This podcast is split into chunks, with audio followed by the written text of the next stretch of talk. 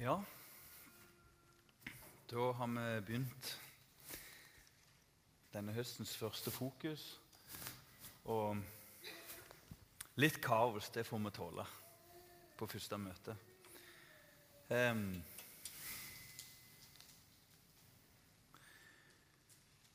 litt mange bilder kanskje i dag, men vi har lagt en stein. Og den steinen eh, er lagt foran korset fordi at eh, det er en sammenheng mellom korset og eh, den steinen som Gud har lagt ned. Det er jo et veldig billedspråk, dette. Som er solid, og som tåler alt. Og jo eldre en blir, så tror jeg han sier at det er, blir viktigere og viktigere. Det er at ting er solid. Er det ikke det? Fordi livet er usolid. Erfarer vi ikke det? Gjennom sykdom, eh, gjennom smerte, gjennom tap. Og så er det sånn at jo eldre en blir, så fyller dette mer og mer hverdagen.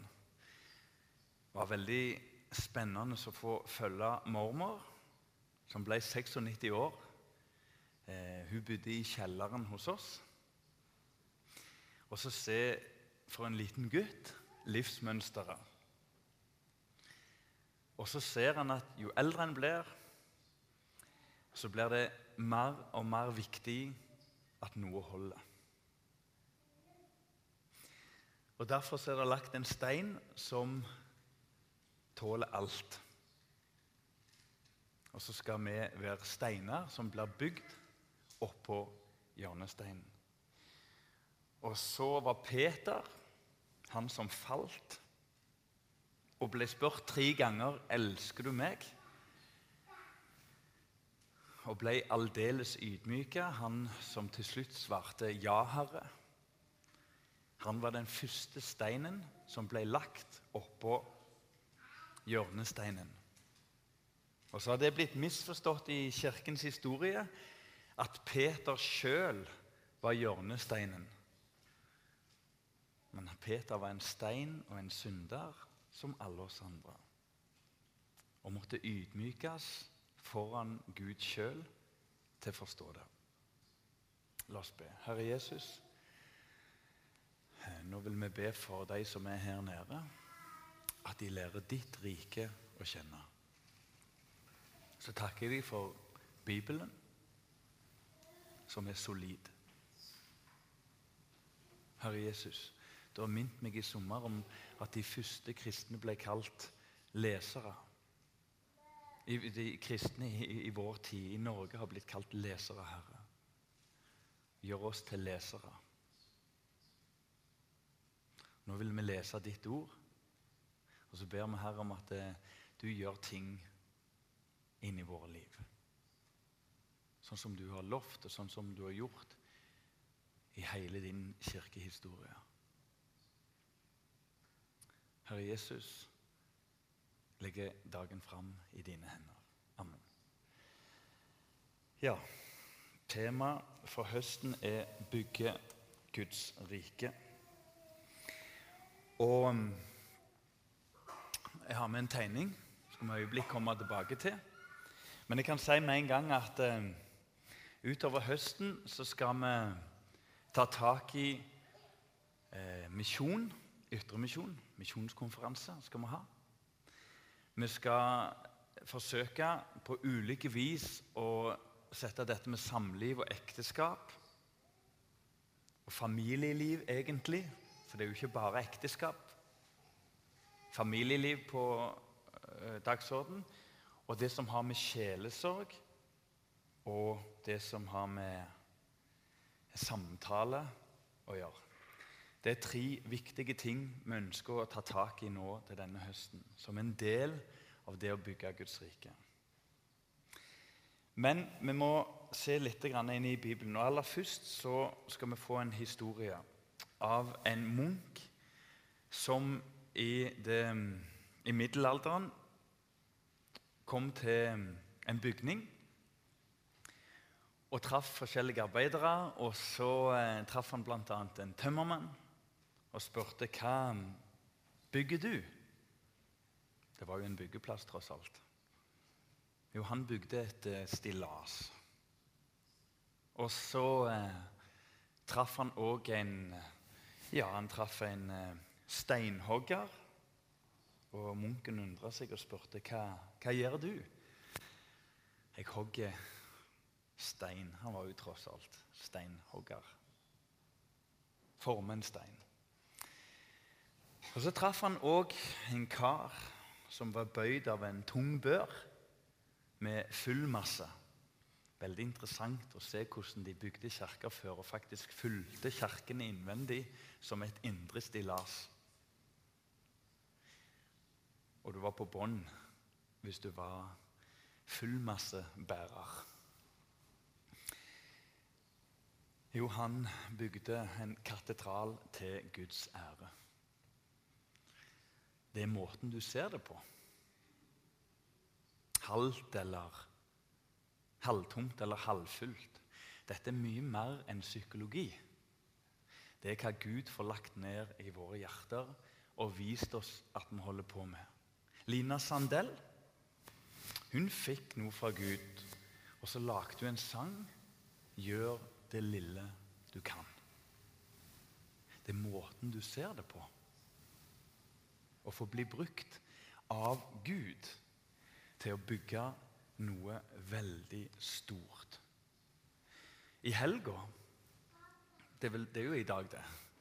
Men fra i går, forgår til i går så var jeg på hytta sammen med ti unger. Unnskyld, ungdommer. Fantastisk å få gjøre noen små ting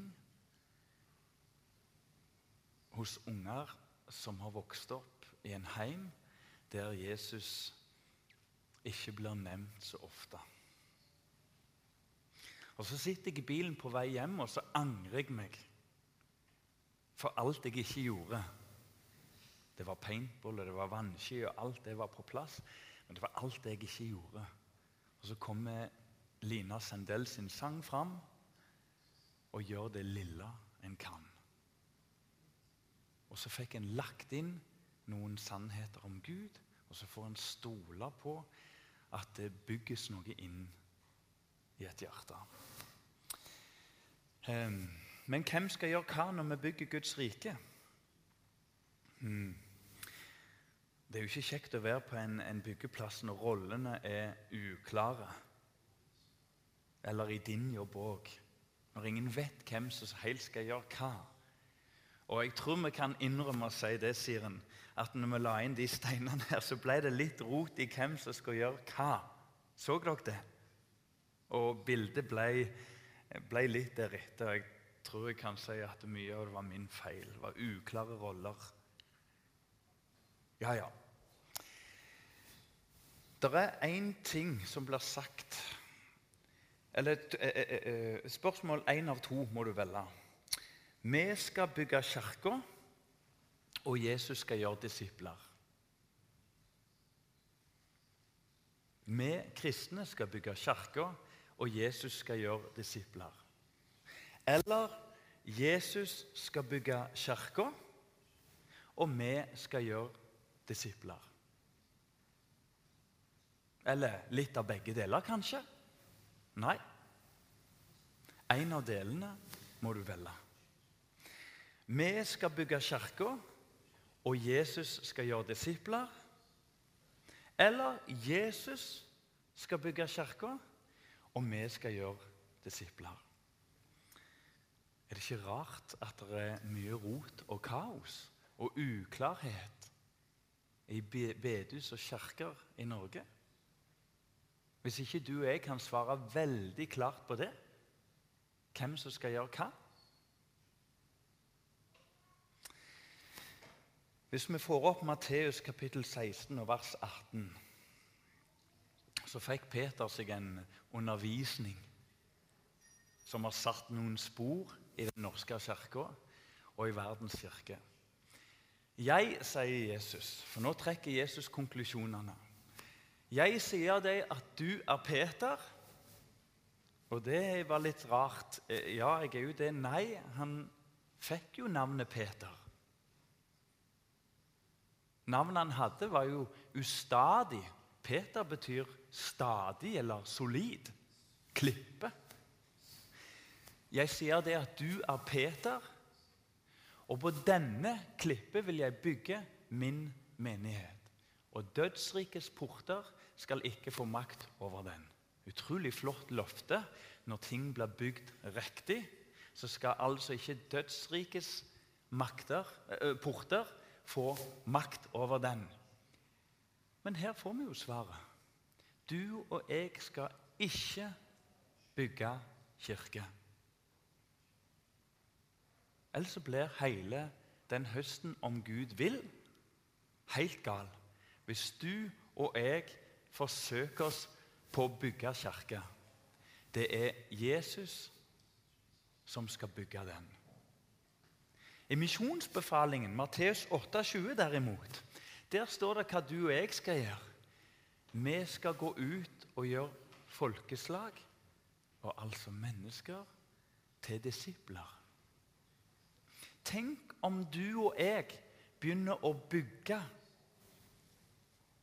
Da har vi tatt rollen Gud sjøl forbeholder seg retten til å ha.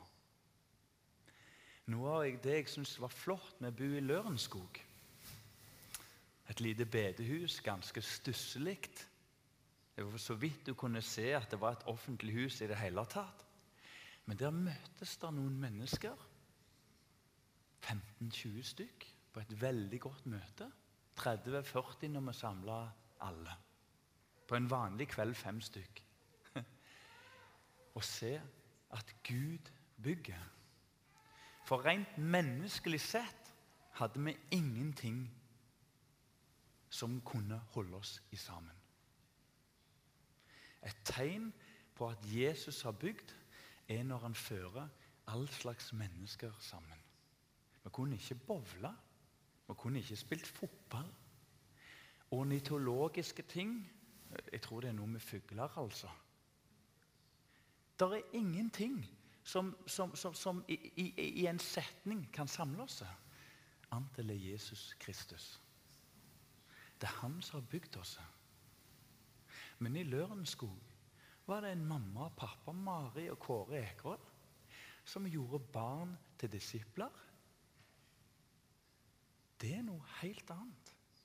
ikke det er flott å vite at du og jeg skal slippe å bygge Guds rike? Det er det Jesus som gjør. Hvis du leser i Bibelen, så finner du ikke én plass der står 'å bygge Guds rike'. Ikke én plass. Får ikke Gud være bygningsmann, står det i en sang får ikke Gud til å være bygningsmann. Um, Marie Monsen Jeg tror jeg kan si Kan det være blant Norges, om ikke Norges, største og mest kjente misjonær i menneskers øyne? Hun drog ikke ut for å bygge Guds rike. Hun drog ut for å bli brukt. Jeg husker jeg har møtt ei dame som heter Arna Vågen. Og holdt de på å si, Du legger deg ikke ut med Arna Vågen. Da ligger du så lang du er. Du har ikke kjangs. Hun var gift med en generalsekretær som var generalsekretær jeg tror det var i etterkrigsåra og fram til 70-tallet en lang gang. Det var utrolig flott å høre hvordan hun var opptatt først og fremst av å bli brukt. altså. Kan jeg få være med framfor det hun skulle gjøre? I bunn og grunn et annet språk for det å være i Guds plan. Tenk hvis vi som fokus her nå først og fremst blir opptatt av å lage, bygge, og, og, og, og så sitter vi med det sjøl, og så går vi glipp av den velsignelsen og den doblingen som Gud har lovt oss når et frø blir lagt i jorda. Og så skal ikke vi blande oss i veksten, for den gir Gud. Det er så viktig å holde ting i orden her. Du og jeg skal altså ikke bygge Guds rike, men Guds rike skal bygge oss. Skjønner du forskjellen? Velkommen til Fokus. Det er ingenting i deg som har spor av Guds rike etter syndefallet. Bibelen kaller det en rest. Evigheten er lagt ned i alle menneskers hjerte, men det er steindødt. Så hvis du og jeg bygger, så må det være det at Gud bygger inn i oss. Og Derfor har vi lov å bygge inn i våre barn Guds rike. Så må vi bygge med Bibelen. Jeg skulle ønske at når du og jeg samtaler om de daglige tingene i familien vår, med vennene våre og her i Fokus, så spør vi mye mer hva sier Bibelen. Det er utrolig hvor mye synsing det er. Jeg mener Til slutt så må du og jeg trekke en konklusjon. Til og med om misjonsbefalingen så må vi som forsamling svare i kor på den. Men hva mener vi om lidelse? Hva mener du om det? Hva tenker du om lidelse? Hva plass skal den ha i våre liv? Og hva tenker du om den i ditt liv? Bla om opp Bibelen. Om samliv om tilbedelse, om, om tro. ikke det Bibelen vi må slå opp. Det er sjeldent jeg sitter i en samtale i fokus og hører noen trekke fram et bibelvers. Det er nesten ingen her som har med seg Bibelen, og det er, det er ikke bra. Vi må ta med Bibelen. Skyldfølelse det varer bare en liten stund, så jeg har ikke lyst til å skape skyldfølelse. Heller en offensivitet for at vi blar fram Bibelen, og så sier vi det sier Bibelen. For det er sånn vi bygger rett. Det er sånn vi bygger på den steinen som er lagt foran det korset, og den sammenhengen som det er mellom de to. Eh, tenk bare på hvordan Bibelen sjøl tenker om dette med ordet det I den nye oversettelsen her så står det 'Det skal bli lys'. står der. Så når vi prøver å forstå lyset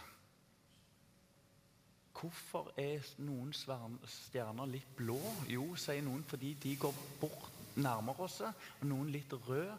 Jo, sier forskere, for de går litt bort fra oss. Og så klarte en på radioen sånn jeg ikke forstår det, akkurat som en sykebil som har én lyd når han kommer mot deg, men når han passerer deg med 50 meter mot deg og 50 meter fra deg, så har han ulik lyd. Og så er det noe med lys og lyd og bølger. Det er så stort. Det bli, skal bli lys. Alt dette som vi prøver å forstå, og som jeg ikke forstår det er skapt ved Guds ord. Ved Guds befaling. Forstå det dem som kan. Men i det minste, la oss bøye oss for det. La oss bøye oss for at når du og jeg samtaler f.eks. om samlivet, som er så vanskelig for oss La oss bla opp i Bibelen, så skal vi finne mer trøst og forståelse og innsikt enn noen av oss hadde tenkt. Og eksempler. Efeserne 6. Efeserne 5. Maken til undervisning, altså. Um, Hagai Det var denne trikanten. Hagai, han eh, profeten minner folket i, om det er kapittel 1 eller 2, så sier han til folk at Hogg tømmer, sier han.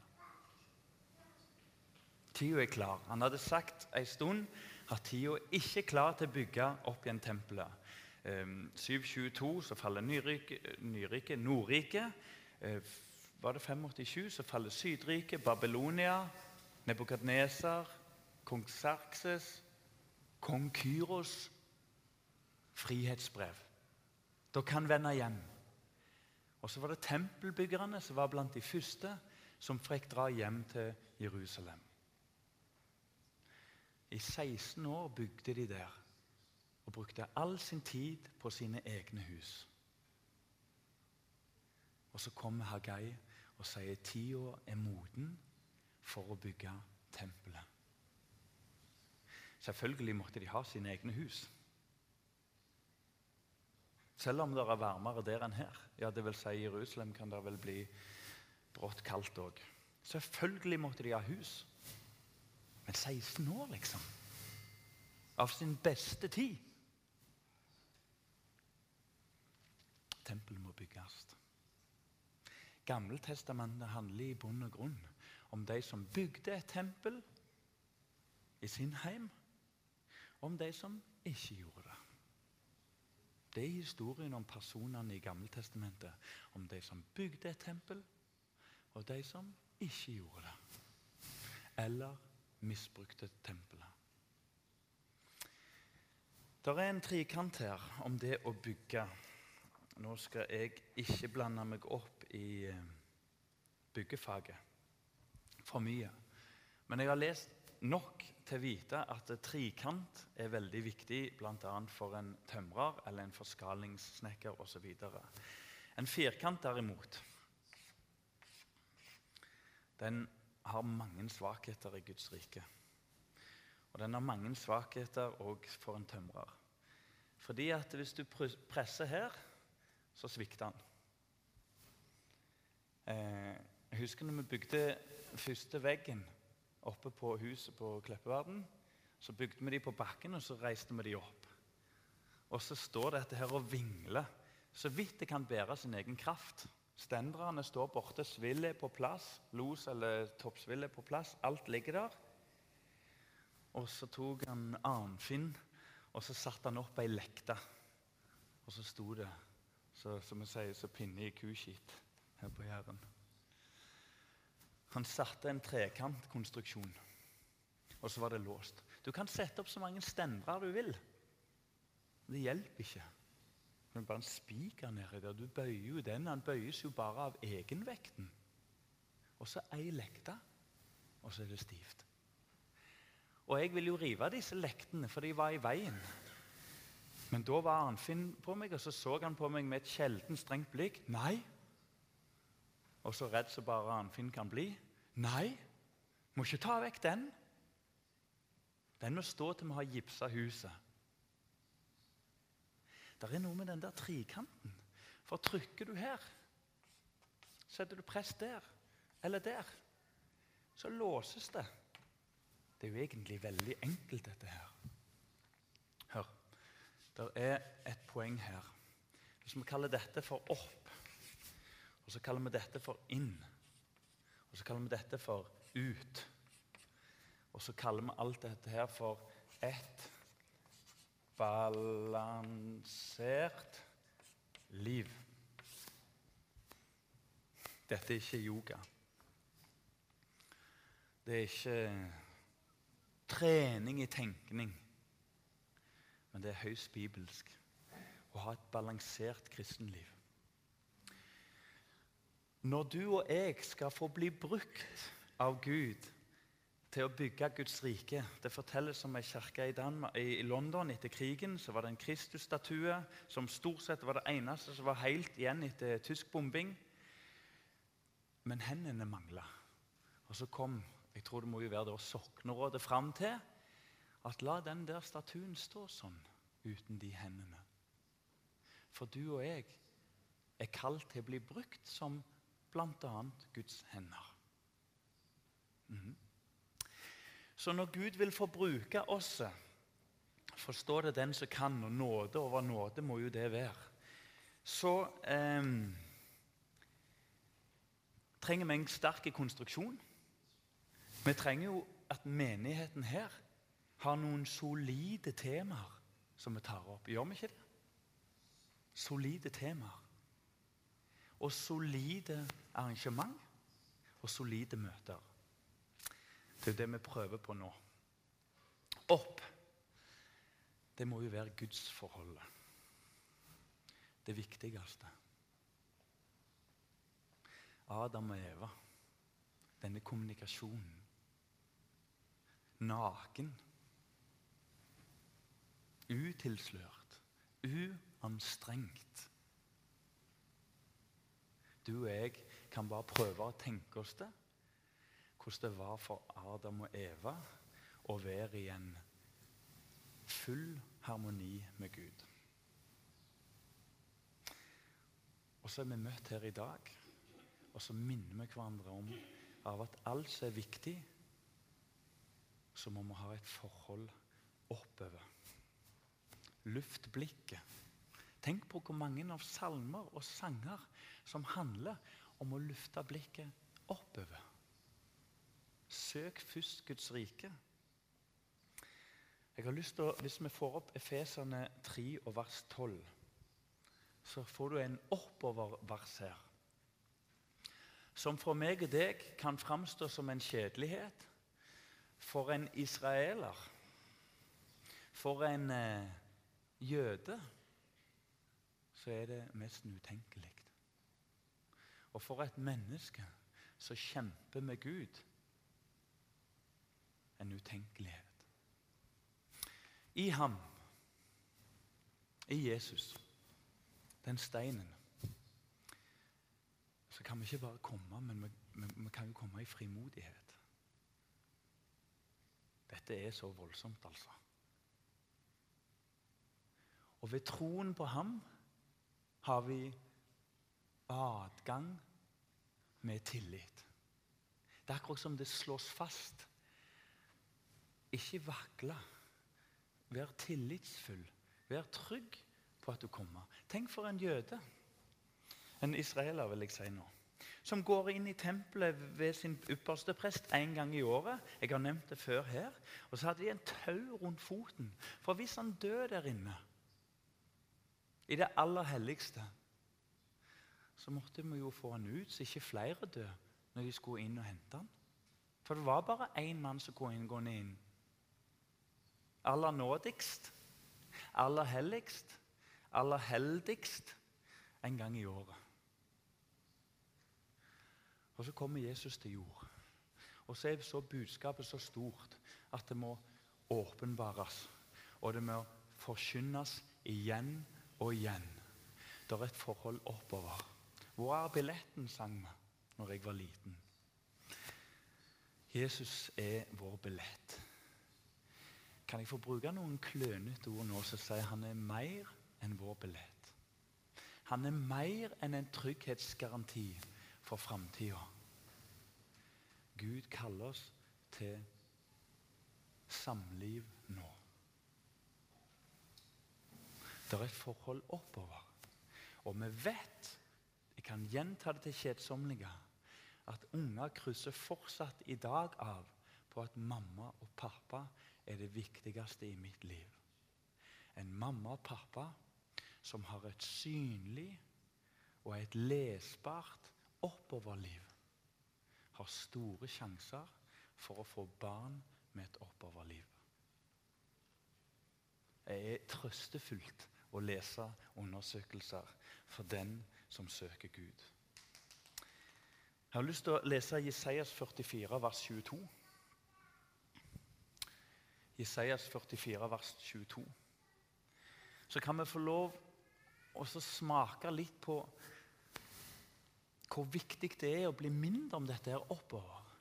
Hvem Gud er. Jeg utsletter dine overtredelser som en tåke og dine synder som en sky. Jeg vokste opp i Tananger.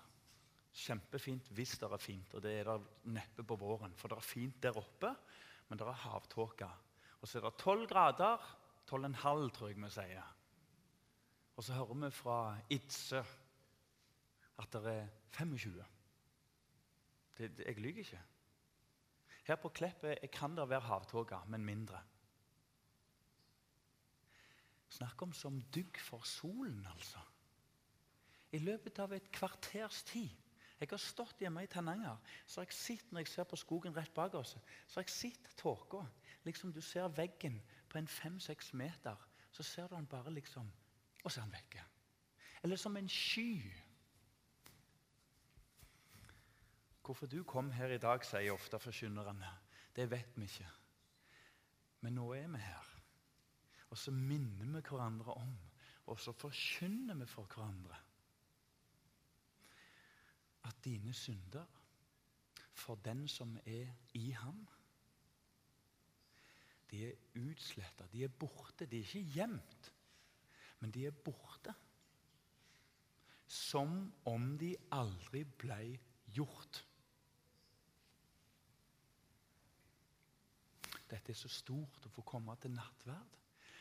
Og så får du Jesu legeme. Og så får du Jesu blod. Og så er gårsdagen som den aldri fantes. For Gud er det borte. Skjønner du hvor viktig det er å ha et oppoverforhold? Til slutt også, for den som er interessert, hvis vi får Johannes 17, vers 5 så kan vi legge merke til at dette oppover, denne, dette fellesskapet som røyk ved syndefallet Det var mye som røyk. Vantroen kom inn, og hovmotet kom inn. Sånne dødssynder, sånne djupe ting. Men i bunn og grunn så forsvant jo kontakten. Gud ble borte for oss. Vi ble ikke borte for Han. Gudskjelov. Og nå herliggjør du meg, sier Jesus på korset. Far, hos deg selv med den herlighet jeg hadde hos deg før verden ble til. Ser du det? At det er ikke helt rett å si at Gud skapte mennesket for han var så ensom. Skal være litt forsiktige med å spre rundt oss med sånne Det høres greit ut. Men Gud hadde fellesskap så stort at Jesus vil heller være Faderens høyre hånd enn å være her. Så sterkt er fellesskapet der. Jeg syns det er flott her. Jeg Jeg er glad i Vigdis. Hun er jeg forelska i og glad i ungene mine for et forhold så viktig. Men gudsforholdet, det er av en dimensjon som kun Golgata kan vise oss. Jeg vil vekk herfra. Så stort er det gudsforholdet. Oppoverforholdet for Jesus. Innover det var dette balanserte livet. Jeg husker da jeg var 14-15 år, bodde i Tananger. Så hadde vi forskjellige diskusjoner. Og så var det dette her om nødvendigheten av å gå på møter. Og da vet du, da ble det, da ble det gang i, i, samtalen. Og da var det jo lokale høvdinger og profeter som f.eks. nevnte at du trenger ikke gå på møte for å være en kristen. La Guds ord få veilede oss. Eh, vi trenger et inn-forhold. Om det er akkurat som her, det er jo selvfølgelig en helt annen sak. Å reise rundt og møte misjonærer og høre hva de forteller om all verdens forskjellige inn-fellesskap. Det er noe helt annet. Nå fikk jeg møte en fantastisk flott mann eh, fra Hellas, en professor eh, som heter Dimitris.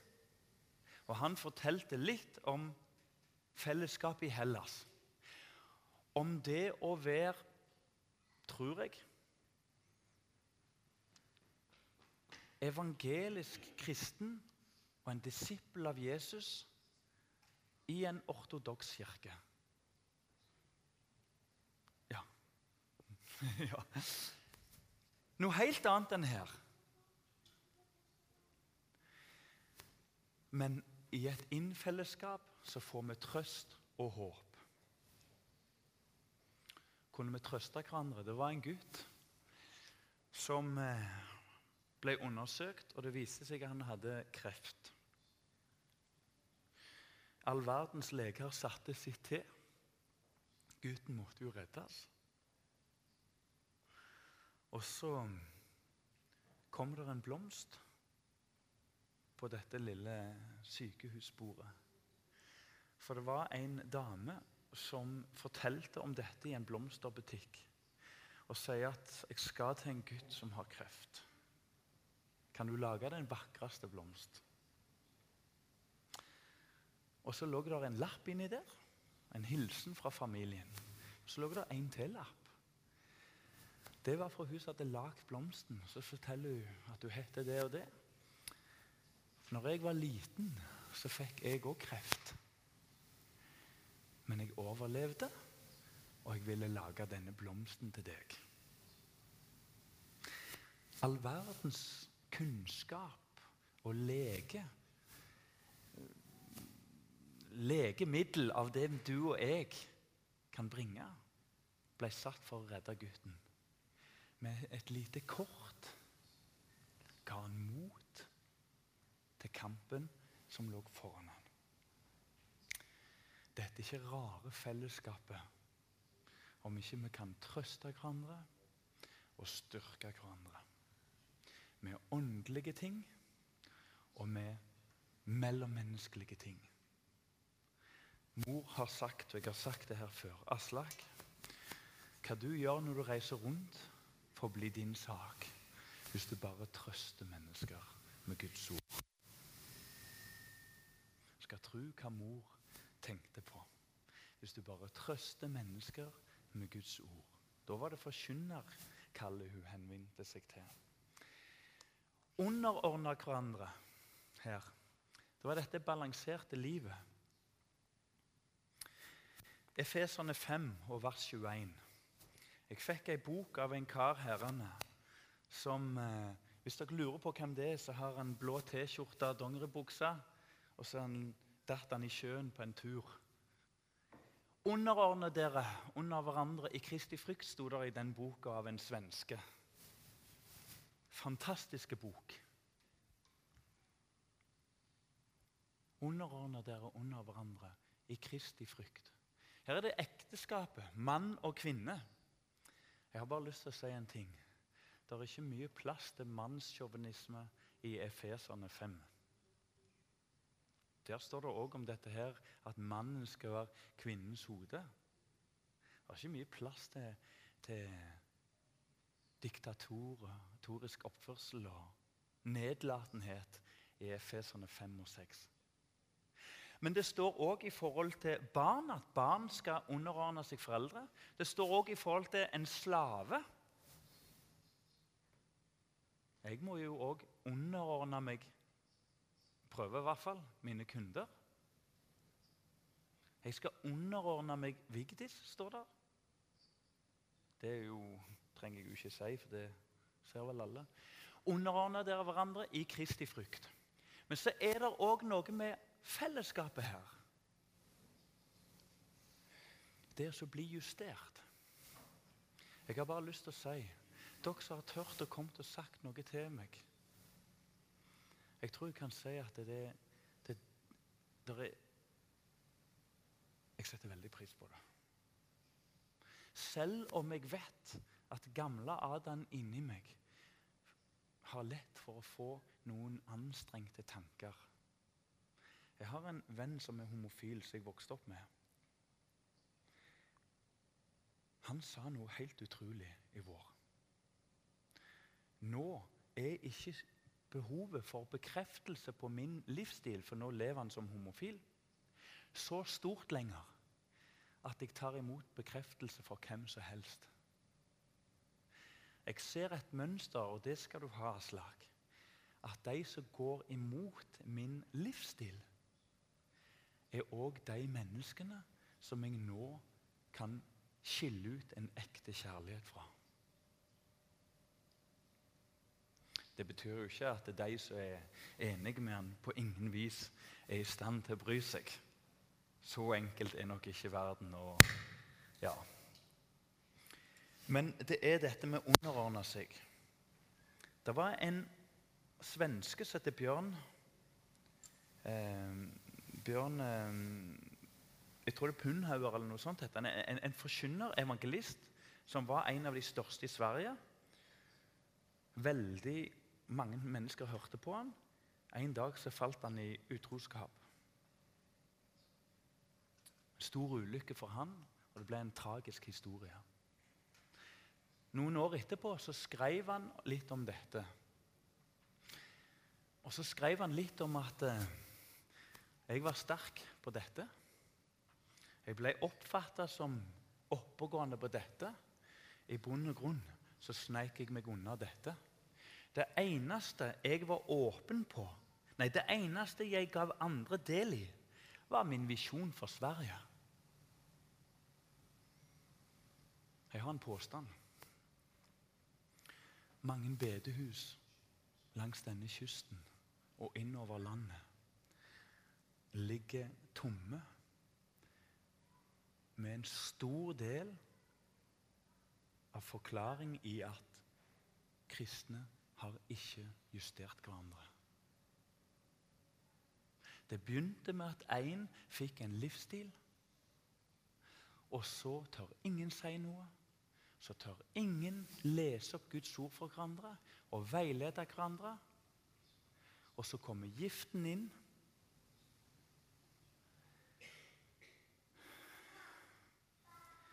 Og så blir det lommer i gudslivet, i familielivet, i menighetslivet, som ingen skal røre.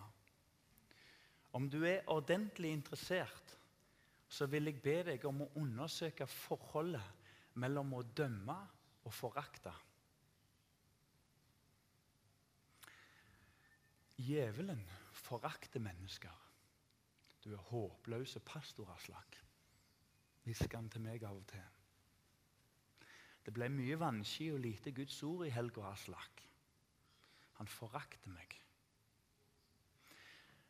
Guds ord setter lyset på det som egentlig er problemet og så vil han ta det vekk. Og så er det en gang sånn at han har kalt oss brødre og søstre til å veilede hverandre. Det står i Bibelen du skal ikke dømme verden. Det er verden som ikke skal dømmes. For den er allerede dømt, står det. Men du og jeg skal veilede hverandre. Jeg lengter etter mennesker som tør gå inn i mitt liv og justere meg. For jeg trenger å bli verdsatt. Mm. Til slutt så vil jeg si at um, i Jakob kapittel 5 vers 16 så står det sånn Bekjenn derfor syndene for hverandre og be for hverandre, så dere kan bli helbredet. Det er store løfter i å ha en ordentlig god samtale. Derfor så ber vi om at noen kan ta på seg sjelesorgens oppgave, så vi kan styrke den i forsamlingen. Kjenn etter den som kan gå inn i det. Men det skal være et kurs til høsten med Gunnar Elstad. Og den som vil, og som eh, styret syns kan fungere til det, kan få gå inn i en sånn tjeneste. Til slutt så er det dette ut.